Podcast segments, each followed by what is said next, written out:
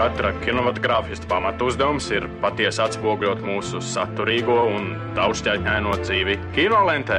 Izceļot tipisko un izlaižot mazsvarīgo, akcentējot panākumus un nenoklusējot dažkārt sastopamus trūkumus. Balansējiet, nu godājiet vēseli inženieri starp pienākumu un varēšanu. Pie jūras klimats 15 minūtes par kino.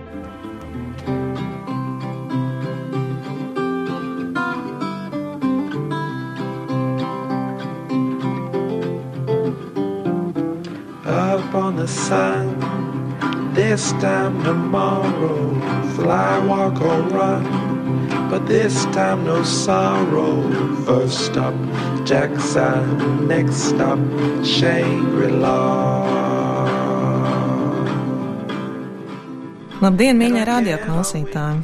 Pavasaris iegriezies pilnos apgriezienos, un jau sesto gadu pirmās siltās dienas varam sagaidīt ar dokumentālajam un antropoloģiskajam kino veltīto Rīgas pasaules filmu festivālu. Retāka, neparastāka un skaistāka kino medniekiem jau labi zināmais Elizabetes ielas kinoteātris Kino Bīze ir atvēris jaunas durvis uz pagalmu. Un savās viesmīlīgajās telpās no 25. līdz 28. aprīlim uzņems ne tikai festivāla skatītājus, bet arī dažādus startautiskus viesus un lektorus. Pasaules filmu festivālā šogad redzēsim filmas ar spēcīgu un personīgu autoru klātbūtni. Tās būs filmas par citādību, par zaudējumu, jaunu prasmi un pieredzes iegūšanu, pētot Sibīrijas ņēncu, ziemeļbriežu ganu ikdienu, sagaidot ģimenē piedzimstam bērnu vai piedaloties labas nāves rituālos Indijas pilsētā Varanasi. Festivālu nu pat kā atklāja pasaules slavena lietuviešu izcelsmes amerikāņu eksperimentālā kino režisora Jona Meka viena kadra filma pastaiga, kuras laikā viņš lēnā solī dodas pa Ņujorkas bulvāriem un sānieliņām, atminoties gan īstus, gan izdomātus notikumus. Pie jūras klimata studijā šodien ar pavisam īstiem stāstiem par vēl gaidāmo Rīgas pasaules kinofestivālā Viesosies tā producente Ieva Lange un kino biznesa saimnieks Mārcis Prombergs.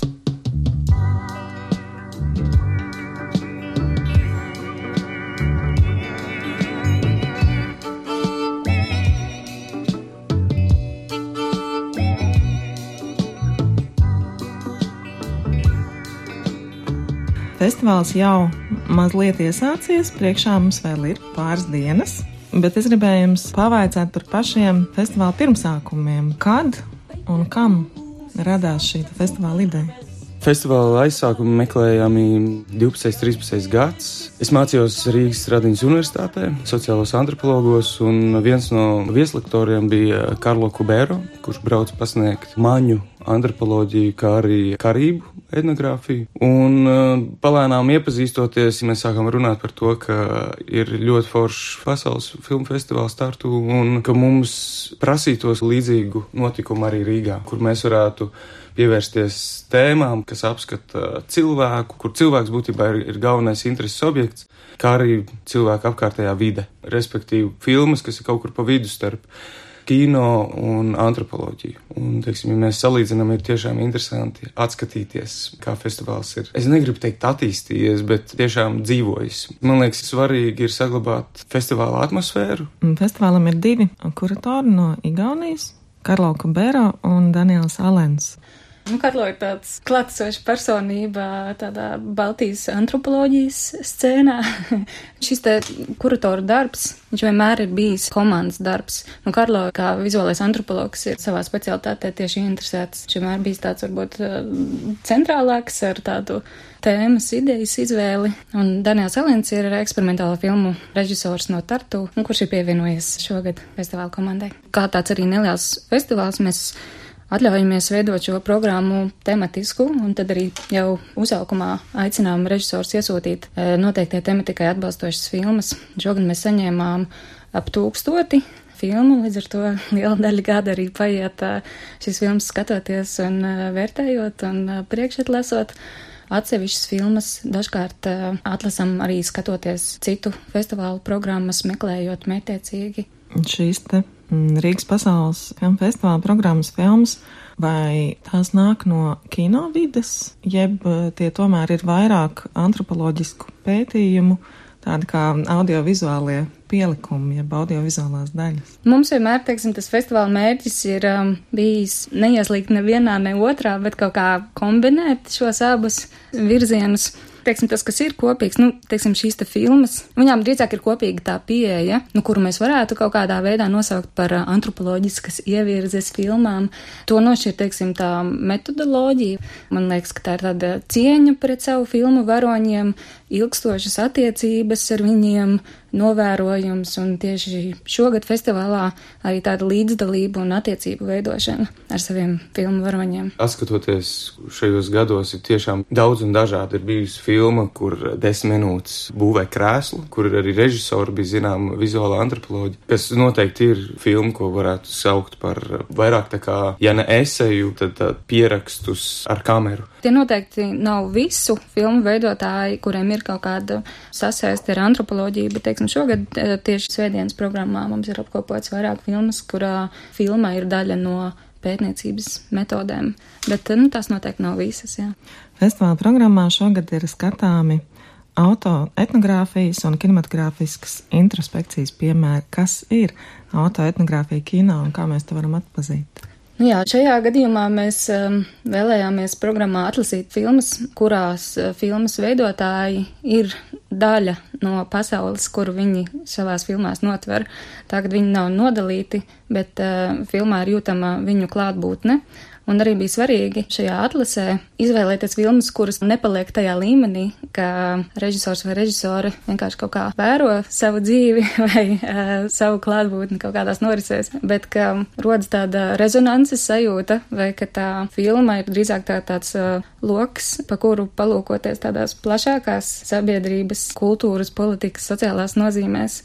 Tādā ziņā, ka tur ir kaut kāds pašanalīzes elements, kaut kāds rezonanses elements, kas, protams, arī ir eh, diezgan uh, subjektīvs, bet, nu, mums tā bija tā sajūta, ka šeit ir, piemēram, un tad mēs skatāmies, nē, tur nav, nebūs, un, uh, jā. Šis festivāls ir veltīts dokumentālajam un antropoloģiskajam kino.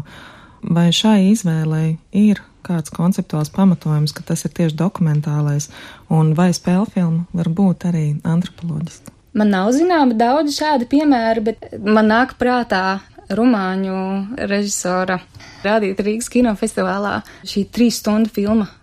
Sierra Nevada. Sierra Nevada, jā. Un, teiksim, šī filma tika rādīta kā atklāšanas filma Rumānijas Astra kinofestivālā. Jā, mēs ejam tādu līdzīgu ceļu, ka viņi sākuši ir kā tāds vairāk etnogrāfisku antropoloģisko filmu festivāls, bet uh, arī augot uh, vai veidojoties izvēlēts drīzāk tādu vidusceļu, rādot dažādu veidu filmas. Mums noteikti bija nostāja iekļaut dokumentālo kino, bet, piemēram, gadā, kas bija um, reālā režija, kur tēma bija runāt par inscenējumiem, par to, cik tā reālā fiksācija ir realitātes atainojums, un tur parādījās ļoti daudz inscenējumu, un, teiksim, noslēdzošā filma tajā gadā Story Tumbuna bija šķietum pilnīgs tāds etnogrāfiskā kino paraugs, kas beigās izrādījās, ka bija inscenēts un eh, tajā mazā ciematā par dēmoniem, kas slēpjas kalnos, īstenībā viss bija uzspēlēts un vietējie nospēlēja tur kaut kādu attiecīgu uh, dramatu epizodi, un uh, tu notici. Un šķietami tāds pilnīgi klasisks etnogrāfisks kino beigās izrādās spēļu filmu. Jā, man liekas, ka svarīgākais šajā gadījumā ir tieši līdzdalības elements un arī mērķis, ar kādu šie te inscenējumi, piemēram, tiek iekļaut filmā, vai kāpēc filma ir balstīta inscenējumā, ka tas ir darīts ar mērķi, teiksim, kaut kā parādīt, uh, bet, nu, tādā īpašā un uh, aizraujošā veidā šīs sabiedrības tradīcijas un parežas, un, un arī to, ka tas nav garlaicīgi, bet ka cilvēki arī labprāt joko. Runājot par programmu, Ieva, tu izcēli vairākas filmas, kas būtu jānoskatās, lai visprecīzāk uztvertu šī gada festivāla tematisko kodolu, un tās bija Mā, Govs un Karalienes, Ieplēsājs Jāda, Viviana Viviana. Kādēļ tieši šīs filmas? Šī atlase, nu, viņa nav balstīta pavisam konkrētos kritērijos, bet arī tādā sajūtā, ka šīs te režisoras, nu, arī izvēloties pēc formas, varbūt vienkāršas filmu veidošanas paņēmienus, piemēram, Mā ir um, 17 minūšu īsfilma, kurā māte ziepju trauka kameru, filmē savas ikdienas ainiņas un sūta meitai. Bet tāpat laikā, nu, teiksim, jā, ar mani un ar mums pārējiem uh, atlases komandā ļoti rezonēja tas kā paņēmiens. Nu, kaut kas ļoti atpazīstams, kaut kas ļoti mīļš, kaut kas notverts tāds uh, ģimenisks. Govis un karalienes savukārt ir filma, kurā arī antropoloģe Laura Markeša viņa filmē to, kā viņa pavada vasaru Alpu kalnos ganot govis. Arī diezgan lēna tempa filma, arī ļoti audiovizuāli skaista, ar skaistu skaņu ainavu ar visiem uh, govi zvaniem un atbalstīm. Tur ir vairāk līmeņi, ko atrast, un tāpat laikā arī pievēršoties, teiksim, cilvēku un uh, citu dzīvnieku attiecībām, un arī, teiksim, par šo patību un kā iespējams uh, divināt attiecības ar govīm. Un šajā filmā arī ļoti neparasts uh, filmēšanas paņēmiens izmantots. Jā, govs vienā brīdī iejūtas operatoras lomā. un Laura Markišs uh, pasaka, jā, tas ir uh, viens no skaistākajiem kadriem, ko uzņēmums govs. Vai šogad pirmo reizi Rīgas pasaules filmu festivāla programmā ir skatāms arī filmas bērniem un jauniešiem? Tā ir pirmā reize, jā. Tas bija tādā idejas līmenī, un arī tagad mēs sākam ar tādiem uh, maziem solīšiem, bet ir bijis ļoti iedvesmojoši citos dokumentālo filmu festivālos redzēt uh, bērnu skolēnu grupas, kas dodas skatīties dokumentālo kino, un kas varbūt parasti ikdienā nav vieglākā mērķa auditorija dokumentālajiem kino. Sestdien mēs rādīsim uh, Igaunijas simtgadus filmu jauniešiem Ahto dzenoties pakaļ sapnim par um, jūras pasaules ceļotāju. Un svētdien izrādīsim uh, Nīderlandes dokumentālo īsfilmu programmu, kas varētu būt piemērota skolas vecuma bērniem ģimenēm. Jūs esat parūpējušies arī par to, lai ik viens sēns būtu kā īpašs notikums tajos vai nu klātienē, vai arī ar uh, Skype palīdzību viesojas filmu autora. Kādus viesus jūs gaidat Rīgā? Nu, kopā ierodas 12 viesi, gan um, filmu veidotāji, gan uh, filmu varoņi. Svētdien ierodās eh, noslēguma filmas Tauta. Trīs pārstāvis - režisora Julija Mironova, montāžas režisora, kā arī viena no galvenajām varonēm - etnomuzikoloģija un dziedātāja Marija Karupānova. Teiksim, šī filma ir eh, par Besermjanu, mazas tautiņas Ziemeļudmurtijā, Krievijā, par viņu dziedāšanas tradīcijām un nu, tādu vispār pastāvēšanu. Marija Korepanova sniegs nelielu mini koncertiņu ar eh, bezarmienu dziesmām, piemēram. Bet, jā, tas būs eh, jā. festivāla noslēgumā. Tas jā. ir festivāla noslēgums pēdējā filma svētdien, pulkstens septiņos. Filmu režisori ir bijuši ļoti atsaucīgi, un tas arī parasti tā ir, ka viņi arī vēlas runāt un stāstīt par savām filmām. Man liekas, ka pirms Kīgrāna arī parasti šīs sarunas diezgan labi vedas. Pāris ieteikumu programmas izpētē no Rīgas pasaules filmu festivāla programmas kuratora Daniela Alena. When, uh, Kādi bija jūsu atlases kritēriji izvēloties filmas? Uh, because we had a theme established already when we, even when we made the call for submissions. So people were supposed to submit films that related to the theme. Mēs jau bijām izvēlējušies tēmu, kad izsludinājām filmu pieteikšanu. Mūs interesēja autobiogrāfisks kino, tāds, kas vēsta pirmajā personā, kur filmas veidotājs kaut kādā ziņā ir arī filmas personāžs. Filmas, kas kaut ko atklāja par to veidotājiem. Ļoti daudzas no filmām, ko saņēmām, bija izteikti personiskas, un stāsti, ko tās atklāja, bija gluži kā privāti noslēpumi. Situācijas, kuras filmu veidotāji centās atrisināt vai tikt ar tām galā. Filma tad kļūst par rīku vai veidu, kā izpētīt šīs dažādas problēmas. Piemēram, kāds franču režisors pavēstīja ģimenei par savu homoseksualitāti. Viņš bija nofilmējis tieši šo sarunu, ļoti spēcīgu, emocionālu materiālu, kas mums ļauj iepazīt filmas veidotāju. Tas ir intīms režisora vai kaut daļas no viņa dzīves portrets.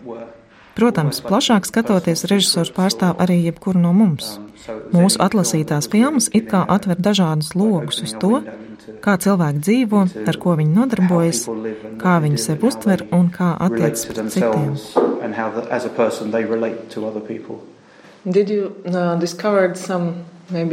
Vai atlases procesā bija arī kādi negaidīti pārsteidzoši atklājumi? I think that um, I was quite surprised by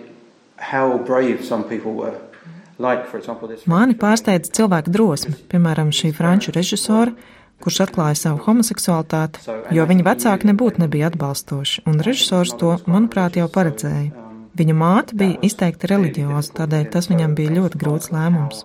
Pārsteidzoši bija tas, cik daudz no sevis cilvēki bija gatavi parādīt savās filmās.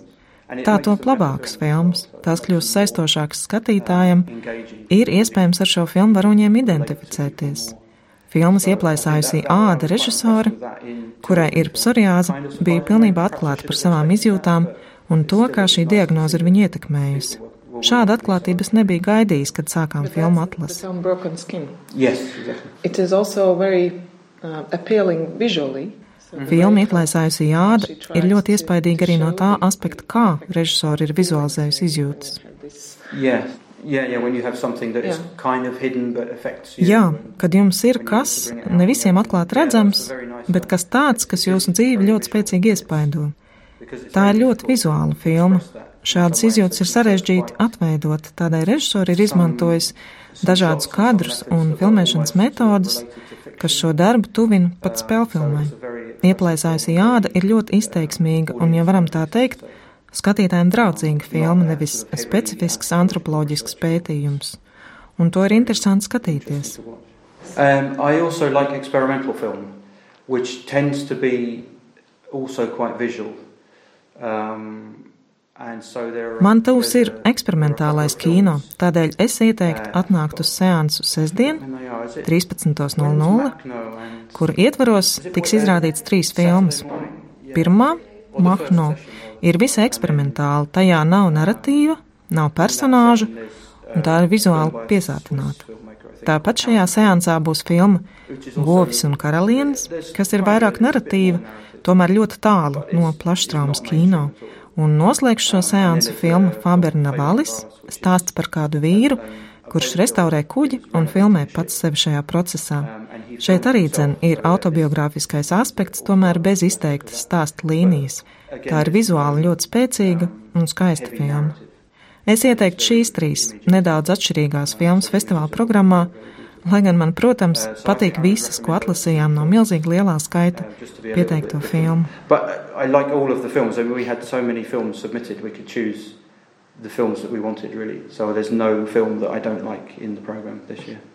Vai jums pašiem arī ir kādi favorīti šī gada programmā? es izceltu uh, šo filmu par govīm, jo, jo viņi. Govis un karalienes. Govis un karalienes, jā, uh, ne tikai govis, bet arī karalienes. Šī filma piešķir, manuprāt, programmai mazliet tādu savādāku veidu, kā paskatīties uz šo tēmu, jo filmu, kas ir veidota pirmajā personā vai stāstot veidotājiem savu stāstu, ļoti konkrēti, nevis, teiksim, ar novērojumu, bet jau pašam iesaistoties un runājot aizkadrā vai parādoties arī kamerā. Šie ir ļoti tādi dinamiski un personiski stāsti, uz kā rēķina bieži vien mēdz būt uh, mazāk to, ko mēs saprast ar kādu tā, tā kinematogrāfisko vērtību, kadrējums, teiksim, estetizācija, skaņa, bilde, un tad Govijas un Garalienai atkal ir vairāk kā klasiska kinofestivāla filma ar ļoti skaistām kalnu ainavām mazliet mistifikācijas un režisoras inscenētu kadru, kas, manuprāt, ļoti veiksmīgi ir ieguldīti starp eh, nebeidzami zvanošajām govīm. Es varbūt vēlētos izcelt uh, filmu Viviana Viviana. Tā ir uh, Nīderlandiešu režisors Ingrīds Kamerlings filma, kurā viņa atskatās uz uh, savu ģimeni un arī tādu traģisku notikumu ģimenē, māsas zaudējumu. Tāpat laikā, jā, es esmu arī šo filmu redzējusi citos festivālos, arī pieredzējusi, teiksim, sarunu ar režisoru pēc filmas, un man šķiet, ka tieši šis savienojums, ka ir filma un pēc tam ir saruna ar režisori, ka tas tāds piepildījums, tas rezultāts un tā sajūta ir vairāk dzīvi apliecinoša arī par spēju pārvarēt savu traumu un to darīt ar filmas palīdzību un arī ar mērķi mainīt kaut ko sabiedrībā. Filmas skatāmas jau no ceturtdienas līdz svētdienai kinoteātrī Kino Bīze Elizabetes ielā 37 Rīgā. Plašāko informāciju droši vien var iegūt kinoteātra mājaslapā www.kinobize.lv slīpsvītra RPFF.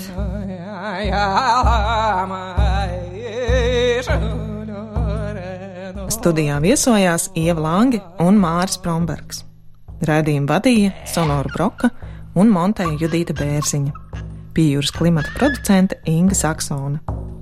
Raidījums tapis ar valsts kultūra kapitāla fonda atbalstu.